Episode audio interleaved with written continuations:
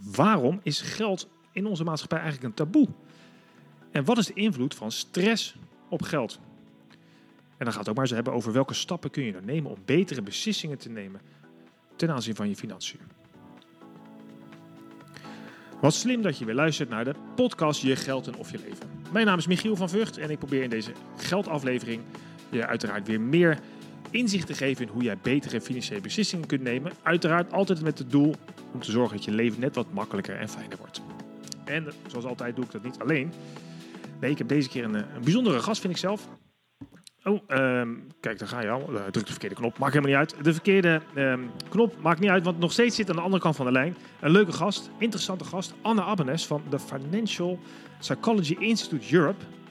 Zij is ook nog financieel psycholoog. Anne, wat leuk dat je tijd wilde maken op de dag dat je vakantie begint.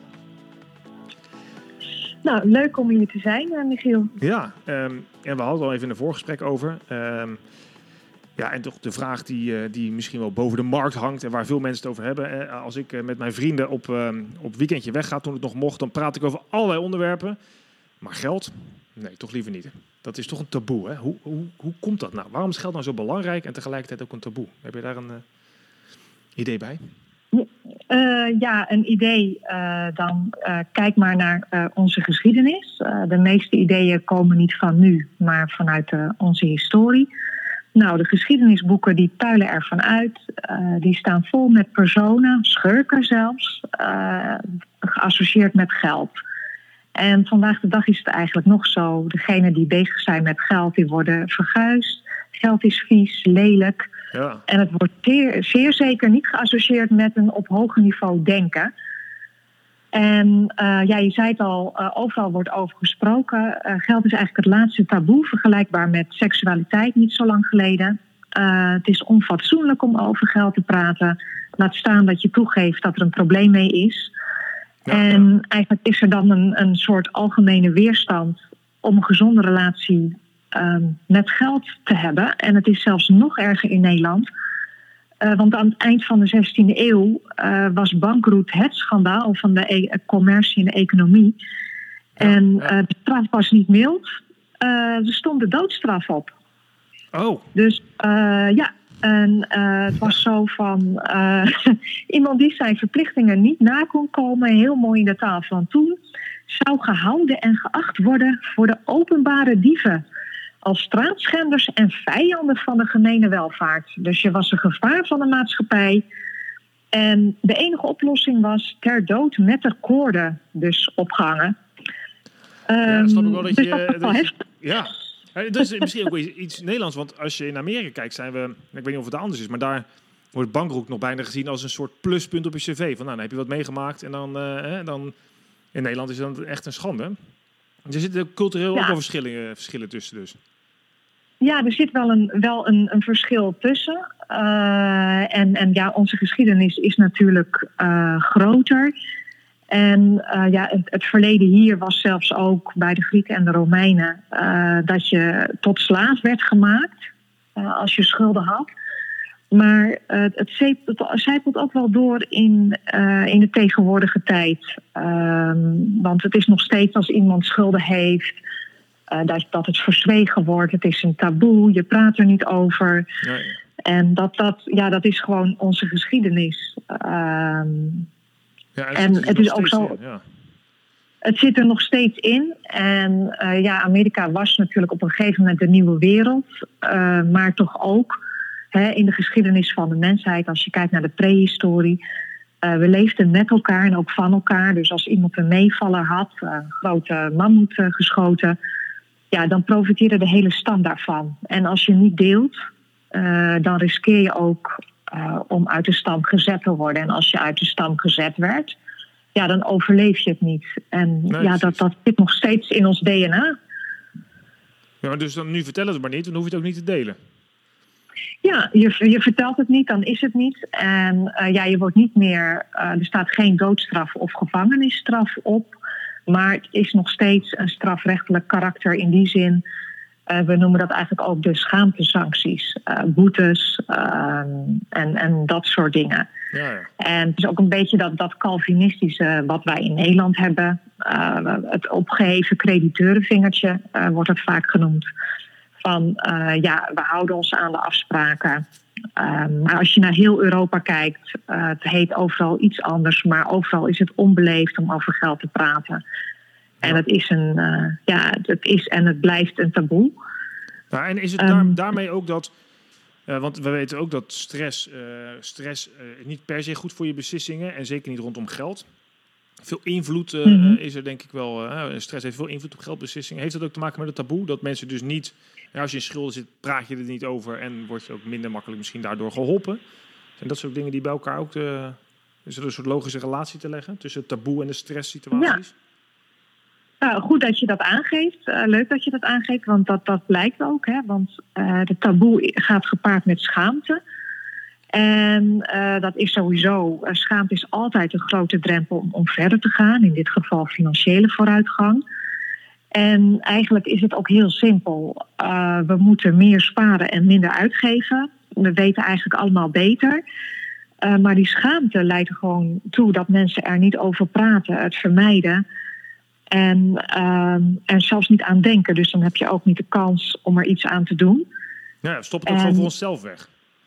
Ja. ja. we stoppen het ook voor onszelf weg. En ehm, ja, kijk maar naar bijvoorbeeld de geestelijke gezondheidszorg. Daar is geld ook een taboe. Uh, maar uh, onderzoeken wijzen ook uit dat bijvoorbeeld mensen die in de geestelijke gezondheidszorg werken, uh, zelf ook heel geldvermijdend zijn. Dus ja, die kunnen hun cliënten uh, daar niet echt mee helpen. Oh, bijzonder eigenlijk. En jij doet daar dus heel veel onderzoek ja. naar, daarom weet je er ook veel van af. Um, ja. Wat, zijn er ook wel manieren om dan minder stress te ervaren rondom geld? Um, ja, kijk, geld is natuurlijk eigenlijk een, een heel nieuw iets. Hè, want onze beurshandel dateert van de 15e eeuw en ons brein is uh, heel erg oud. Ons brein heeft geen uh, update gehad de laatste 150.000 jaar. En ons brein opereert nog steeds alsof we in een stammencultuur leven. En um, nou, op heel veel acties, wat ik net al uitlegde, staan dus predatorisch gezien ook sancties. Um, maar er gebeurt heel veel in ons onderbewuste. En ons onderbewuste programma, zeg maar, in ons brein, uh, die is voor 90% verantwoordelijk voor alle beslissingen. Ja. Uh, dus zelfs succesvolle mensen, hè, die een heel goed begrip hebben en inzicht in de persoonlijke financiën, die vermijden geld. En dat heeft gewoon te maken met uh, hoe ons brein werkt. Um, ons brein is gewoon geprogrammeerd om verlies te vermijden. En dit vermijden is, is hoger dan winst. En in evolutionaire termen betekent dat, hè, is dat eigenlijk heel logisch. Want wegrennen voor een tijger is belangrijker uh, dan dat herschieten voor het eten. Hè, om genoeg voedsel te verzamelen, want anders overleef je het niet. Nee, precies. Um, dus als het op financiële keuzes aankomt, dan is het vermijden van verlies. Uh, is, staat bovenaan. Maar dat kan je natuurlijk wel van je pad doen afdwalen. Uh, we kunnen zelfs zo, zo gestrest uh, zijn dat we helemaal geen keuze maken. Ja, dat is een beetje het hert in de ehm, koplamp uh, idee. Ja, klopt. Ja, dus dat, dat vechten, bevriezen of, ja, of vluchten. Ja, ja, het is bevriezen, ja, klopt. Ja. en dan word je een beetje en, apathisch. De, ja. ja, dus het betekent niet dat we lui zijn of dom of niet genoeg geïnformeerd.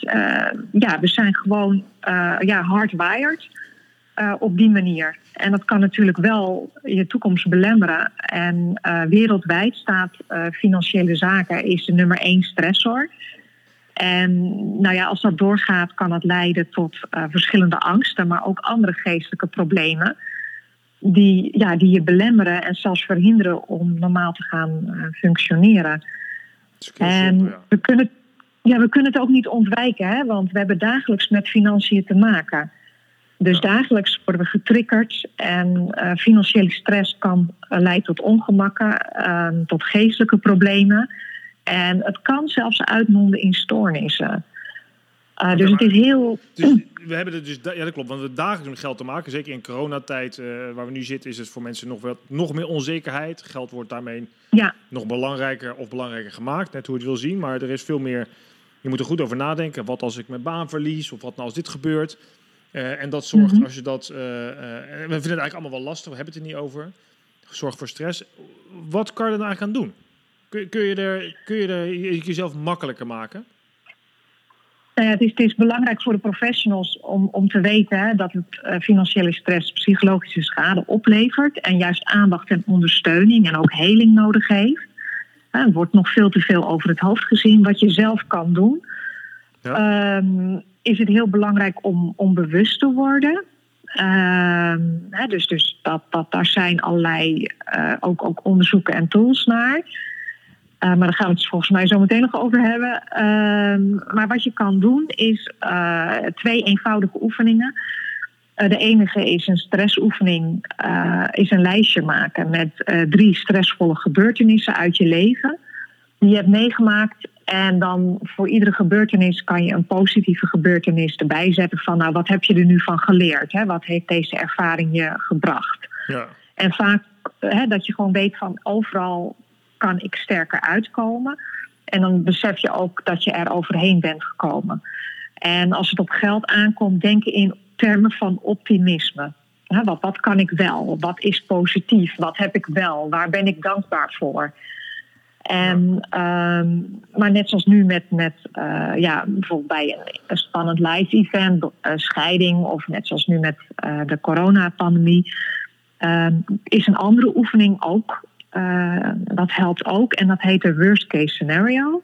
Ja. En dan ga je, ga je afpellen. Nou, stel je voor dat ik mijn baan kwijtraak. Wat gebeurt er dan? Ehm, nou, dan raak ik misschien mijn huis kwijt. Wat gebeurt er dan? Maar dan denken sommige mensen: oh jee, dan moet ik bij mijn schoonouders gaan wonen. ja, dat snap ik. Dat En wat, probleem. Ja. ja. dat kan een probleem zijn. En wat zou er dan gebeuren? En dan, en dan ga je dat stapje voor stapje voor stapje ga je dat door. En dan uiteindelijk, ja, en wat zou je dan doen? En als je dat met mensen doet, ik doe dat ook wel in mijn praktijk. En uiteindelijk eh, worden mensen daar ook heel rustig van. Omdat je het stapje voor stapje doet. Van nou ja, stel je voor dat nu dit of dat nu dat. En dat worst case scenario, eh, om dat af te pellen, ehm, ja, dat is een hele goede, eh, goede oefening. En ook vooral in combinatie met welke dingen je wel hebt bereikt al in je leven. Nou, dan wordt het misschien ook een stuk kleiner en dan valt het misschien. Ja. Hè, want nu zien we. Eh, ik herken het zelf ook al van dingen die. Oeh, dan zie je de optegen ook met een hele grote berg beklimmen. Terwijl als je elke keer een klein stapje doet, dan denk je, nou, ik, ik klim langzaam maar zeker naar de top toe. En dan lijkt het toch mee Ja. te vallen. Dus misschien het worst case scenario helemaal afpellen zorgt er ook voor dat je daarmee het behapbaarder en realistischer en misschien minder erg maakt. Klopt dat? Ja, nou, leuk dat je dat zegt, behapbaarder. Want er is één term wat, wat psychologen heel vaak gebruiken. En dat is van, eh, ja, hoe eet je een olifant? Ja. Nou, inderdaad, hapje voor hapje. Voor hapje. Ja. Eh, dus ja, leuk dat je die vergelijking eh, trekt. Ja, nee, precies. Ik snap het wel. En dan, ja, waar je net al even met je aan refereerde zelf, kijk, dan heb jij ook eh, veel onderzoek gedaan. En we, we spraken in het voorgesprek ook over de geldscripts die jij, eh, waar je allerlei leuke voorbeelden bij hebt. En die helpen denk ik ook wel bij het inzicht krijgen in je eigen denken rondom geld, hè? Eh, ja, dat klopt. Eh, ja, geldscripts zijn niet eh, nieuw. Dat heeft het lid ook van het Financial Psychology Institute en de founding father Brad Klons. Die heeft, heeft ja, geïdentificeerd. Daar is heel veel onderzoek naar gedaan. En dat betekent uh, geldscripts, dat zijn uh, onbewuste uh, overtuigingen met geld. Uh, die ontstaan in je vroege jeugd. Ja. En ze zijn gebaseerd op herinneringen. En soms zijn we niet eens van bewust dat we ze hebben. En ze hoeven ook niet waar te zijn. Want ze zijn met uh, hoe jij als kind bent. Op die manier uh, worden die herinneringen in je hersenen opgeslagen. Nou ja, als je een kind bent, om een voorbeeld te noemen. Van het weekend een lange wandeling gemaakt. En we kwamen we langs een, een meer waar wij vroeger geweest waren. En in mijn geheugen was dat gigantisch groot. Ja. Toen kwam ik daar en denk, nou, het is meer een vijvertje. Ja, precies. Dus die, die herinneringen, hè, die bepalen ons financiële gedrag. Uh, ja, het precies. is een soort... Het vertekent vaak heel erg wat je onthoudt. Je onthoudt waarschijnlijk de goede of juist hele slechte dingen. En je overdrijft ja, en je bent... nog een beetje. Ja, en je bent je er soms niet eens bewust van. En onder stress gaan we op de automatische piloot. En dat heeft weer ook met jouw mooie voorbeeld van die hert in de koplamp te maken. En die scripts worden dan afgespeeld. Dus die blauwdruk, uh, die staat in je geheugen en dat wordt dan afgespeeld. Dus dan doe je dat automatisch. En nou, we hebben dat dus aangeleerd in onze jeugd. En dat is echt onderbewust bepalend voor het financiële gedrag als volwassene. En, kun je een voorbeeld geven dan van zo'n zo'n zo'n script wat zich afspeelt bij iemand als er iets gebeurt? Uh, ja, nou, je, de scripts zijn onder te verdelen in. Er zijn er echt heel erg veel. En uh, ja, er zijn vier hoofdcategorieën. En de eerste is uh, het aanbieden van geld.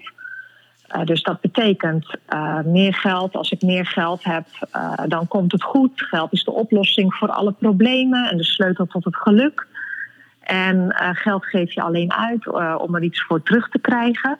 Nou ja, als, dat het, als jij scripts hebben die daaronder vallen, ja, dan, dan zal je op een bepaalde manier met geld omgaan. Als geld status is, dan denk je van geld laat zien dat ik besta. Nou, dan heb je al ja. vaak in relaties hè, de, de, mannen die een dure auto willen kopen, bijvoorbeeld. En ik noem dit voorbeeld, kan generaliserend klinken. Alleen ja, het onderzoek wijst uit.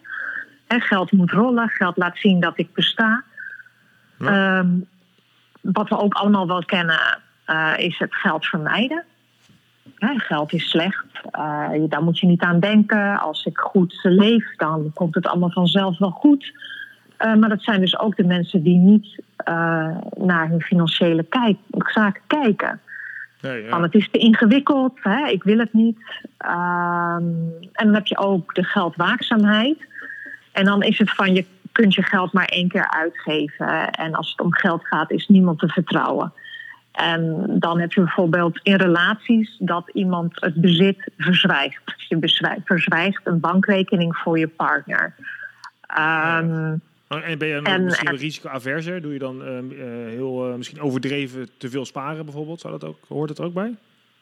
Ja, te veel sparen. Uh, je hebt mensen die dan bijvoorbeeld de wasmachine niet laten repareren omdat er een bepaald geldbedrag op een spaarrekening moet staan. Ja, precies. Uh, en, en overal waar te voor staat is niet goed. Die geldwaakzaamheid is wel het enige geldscript waarmee, dus waarmee de, het minste risico bestaat voor je financiële gezondheid. maar overal waar te voor staat is niet goed. Nee, precies. ja, dan krijg je dan ja. mensen die dan overlijden met uh, 5 miljoen op de bankrekening, maar wel op een houten krukje zaten omdat ze de bank niet wil uh, laten repareren. Bijvoorbeeld, ja. ja. ja. of nou, nou erger nog. Er is ook een heel leuk voorbeeld van die oma was nog niet overleden. En toen dachten de kleinkinderen laten we een nieuw matras voor oma kopen. Dus ze hebben het matras naar de vuilstort gebracht. maar er zat 200.000 euro in. Want oma vertrouwde de bank niet. Ai, dus dat... is, is zuur, zou je zeggen. Hè? Zonde. Ja, ja. ja, dat is zonde, maar dat heeft ook met onze cultuur te maken. Mensen die bepaalde dingen hebben meegemaakt, bijvoorbeeld een oorlog uh, of iets anders. Ja. Uh, een beurscrash, dat zijn allemaal dingen. En op dat moment is een geldscript functioneel, maar later is dat vaak niet meer zo. Dus je kan heel goed kijken van wat is nou de geschiedenis van mijn familie? Uh, hoe, hoe was geld? Voor mijn familie. Um, en als je bewust wordt van je geldscript, dan word je ook bewust van waarom doe ik nu zoiets? En, en waarom neem ik die beslissingen? En dat kan je op een hele eenvoudige manier. Uh, kan je op onderzoek uitgaan door gewoon te vragen. Er zijn professionele tests voor, maar je kan het ook zelf doen. Van, uh, om gewoon achter te komen van wat zijn mijn geldscripts. En een paar eenvoudige vragen zijn bijvoorbeeld van... Uh, wat zijn de drie dingen die je ouders je hebben geleerd over geld. Ja. En wat, uh, wat heeft je moeder je geleerd? Wat heeft je vader je geleerd? Uh, wat is je gelukkigste herinnering aan geld? Uh, wat is je meest pijnvolle herinnering aan geld? En deze vragen brengen aan het licht dat de overtuigingen vaak van generatie op generatie zijn doorgegeven. En op het moment dat je dan getrouwd bent, zit je niet alleen aan tafel met de geldovertuigingen van je partner en van jezelf, maar van je hele schoolfamilie. En van ja. de hele maatschappij. En, um, ja, dat is wel dus, grappig, want ik herken ja. zelf wel dat uh, ik ben. Ja, weet je, ik, wij hadden voor mijn gevoel nooit echt geldzorgen thuis. Uh, we hadden eigenlijk hartstikke goed. Maar toch waren we altijd wel nou ja, hoe zou je zeggen, voorzichtig of zo. Of, weet je, ik moest ook wel werken voor mijn nieuwe schoenen, terwijl ze het eigenlijk wel konden kopen. Uh, wat, waar, Mhm. Dat was eigenlijk nooit het probleem. Maar terwijl mijn vrouw, die, die heeft wel vaak over dat ze zich heel erg irriteert. Als ik zeg, joh, uh, wij spreken, je staan al 15 minuten onder de douche, is niet, niet even genoeg. Maar dat zei haar vader ook, maar dan omdat het duur was. En zij heeft zich herinnering, ja, niet zo zeiken over het geld. Dan wordt eigenlijk helemaal gek van. Uh, en Mhm. ik snap dat niet, want ik denk, joh, we moeten gewoon een beetje voorzichtig zijn. En zij denkt, joh, loop niet te zeiken, want ik mocht nooit lang douchen. En dan zie je, dan botst het een beetje. Snapt het inmiddels Ja. wel een beetje van elkaar. Maar dat zie, zie je wel tussen eh, ja, families een hele andere manier van omgaan met geld. Ook waar de ene familie misschien zegt, ik ga nu juist, nu ik, mijn tijd, ik ga alles uitgeven. Want ik kon dat vroeger nooit. Eh Mhm. Kunnen andere families er heel anders naar kijken. Ja, dat, is, dat is wel, wel... Dat soort voorbeelden zijn natuurlijk Ja. legio. En die kunnen ook best wel problemen opleveren in een relatie waarschijnlijk. Ja, dat, dat kan ook. En het is dan ook heel belangrijk om te weten van, hè, eh, om, om te kijken van dat je weet wat je eigen geldovertuigingen zijn, wat de geldovertuigingen van je partner zijn. En dan kan je ook makkelijker met elkaar in gesprek. Want die overtuigingen hebben niets met jou te maken. En, en hij of zij is zich niet bewust waar, waar dat financiële gedrag of die overtuigingen vandaan komen. En dat geldt ook voor jezelf. Dus er is niemand fout eh, of schuldig. Nee? En je hoeft, niet, je hoeft ook niet hetzelfde over financiën te denken. En zolang je maar wel weet eh, waar een bepaalde overtuiging eh, vandaan komt. En eh, een andere oefening is dat je bijvoorbeeld om erachter te komen dat je een brief schrijft eh, aan, aan, aan je kinderen. eh, van nou, wa- wat, eh, hoe, hoe zat het in de familie met geld? Dus een beetje een verlengde van die andere oefening. Ja? En eh, het gaat er dus om om jezelf eh, te begrijpen en ook vooral om samen in gesprek te gaan over geld.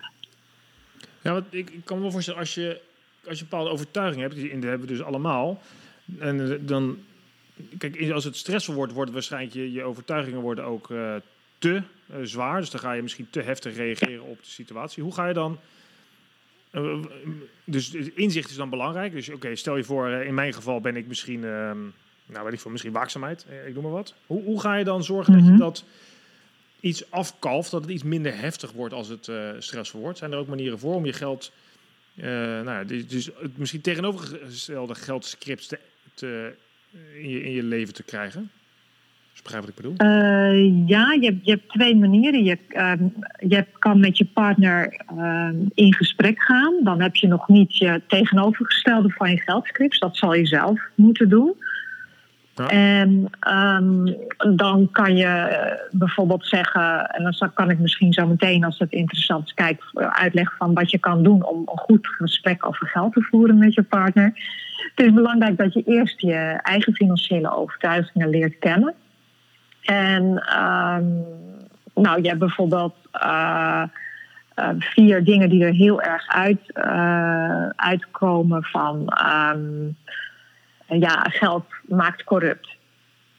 Nou, als je vindt dat geld corrupt maakt, eh, dan, en dat ligt een beetje in het, het verlengde van het voorbeeld ook wat jij net noemde, Michiel, is eh, dat, je jezelf, dat het onbewust tot zelfsabotage kan leiden.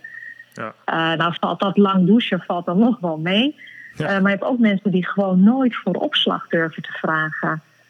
Ja. Ehm, Niet netjes. en, en Ja. ja, te netjes, te netjes. En eh, dan is het ook heel belangrijk om te kijken van... nou, wat is nou de wortel van die overtuiging? Waarom wil ik dat niet?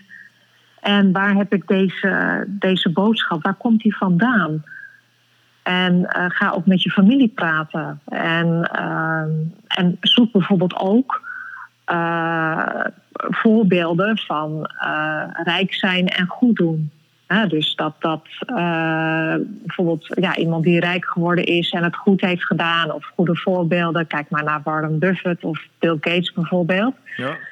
Ja. En eh, geld is gewoon niet slecht of goed. Het gaat erom wat je ermee doet. Dat zijn allemaal, het klinkt heel eenvoudig. Ehm, maar dan kan je ook kijken van oké, wat kan ik doen met het geld om anderen te helpen? Dus dan, Ja, dan ik kan dus ook wat goed doen. Nu vraag je zeg maar, de Ja. opslag niet meer voor jezelf, bij wijze van spreken, maar dan denk je, nou, dan kan ik Voor iets doen voor iemand anders. Ja, precies. Voor je, voor, voor je gezin, voor iemand anders. Oké, dan, dan is het wel goed om een opslag te vragen. nou, dat soort dingen. En het, het klinkt heel simpel, maar het, het is ook geen hogere wiskunde. Het, het zit gewoon vastgesleten in ons. En ook van, Ja, ik, ik verdien geen, uh, ik verdien het niet. En uh, dus je, dat, ik verdien geen geld. En dat heeft er ook vaak mee te maken uh, als je economische status verbetert. Uh, dan, dan val je buiten de boot in je oude groep waar je toe behoorde. Dus ik verdien geen geld. laat ik maar gewoon doen, dan doen we wel gek genoeg. Want anders val ik buiten de boot. Dat is ook een heel belangrijk ehm, iets. Hey, we kunnen hier uh, uren over doorpraten, Anne, maar het is al, we zijn al heel eind op weg. En ik wil toch nog heel even over dat, uh, hoe je met je partner, want er zijn nog 25 minuten zie ik. Hoe ga je nou met je partner? Daar, nog, daar wil je nog even iets over vertellen. is misschien nog aardig als ja. een beetje in de, in de afsluitende fase al. Ja, nou ja, je, een gezamenlijke rekening kan bijvoorbeeld ruzie veroorzaken. Als de een meer uitgeeft dan de ander. Uh, gescheiden bankrekeningen geven meer autonomie. Het maakt niet zoveel uit zolang je maar met de neus dezelfde kant op staat. Nou, het is dus heel erg belangrijk om in gesprek te gaan zonder dat het een geldgevecht wordt. Uh, doe dat op een rustig moment. Ga het niet van tevoren aankondigen. Doe het op een rustig moment.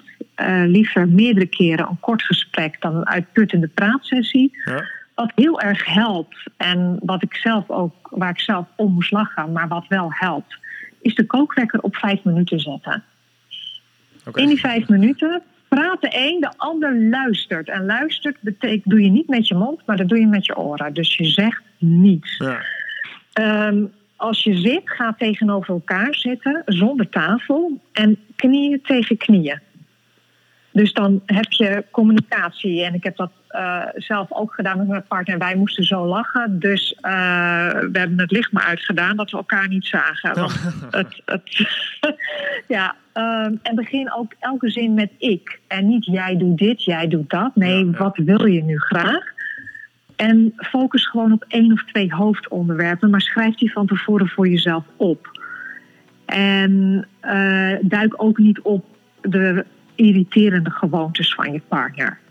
Maar kies gewoon onderwerpen waar je het over eens moet worden. En ja, probeer precies. echt te luisteren. En als je boos of emotioneel wordt, dat ga je worden, pauze nemen en een glas water drinken.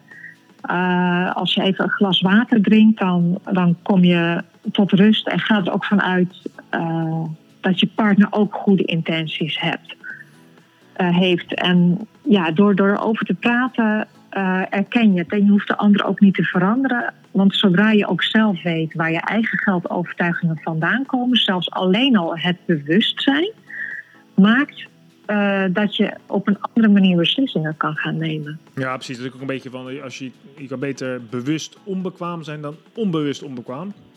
Want dan ja. kun je er tenminste nog wat mee doen.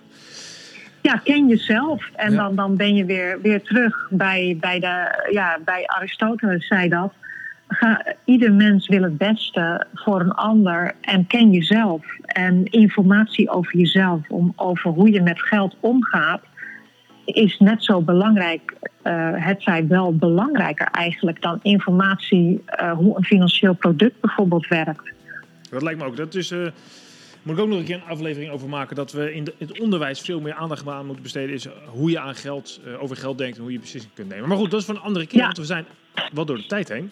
Als mensen nou nog iets ja. hier meer over willen weten, waar, uh, waar raad je ze aan om naartoe te gaan op het internet of in een boek? Of, uh... Uh, ja, nou, we zijn bezig met een boek, dat is nog niet uit. En over een korte tijd, maar dat kan ik dan misschien aan jou doorgeven, Michiel, dat jij het op je site kan zetten, kunnen mensen ook online een test doen voor money scripts. Die zijn we nu nog aan het vertalen.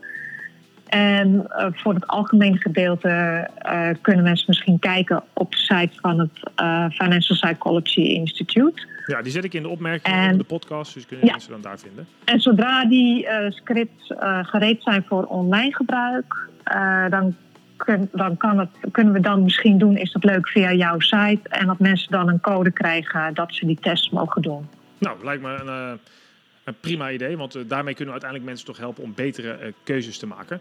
Anne, ik wil je ontzettend ja. bedanken dat je te gast wilde zijn. Het ging razendsnel. Jij ook bedankt, Michiel, voor je leuke, voor je leuke vragen. En uh, ja, ik vond het heel leuk ook om hier te zijn vandaag. Heel fijn, dat vond ik ook. Ehm, nou, jullie weer bedankt voor het luisteren. Heb je hier nou vragen over? nou, zie in de opmerkingen de, de website. Je kunt mij ook altijd vragen stellen. En vind je dit nou interessant? Deel dan de podcast of waardeer hem met sterretjes, want dan wordt hij beter gevonden. En zo kunnen we samen zorgen dat misschien wel 10 miljoen mensen betere keuzes gaan maken rondom geld. Nogmaals bedankt voor het luisteren en ehm, tot snel.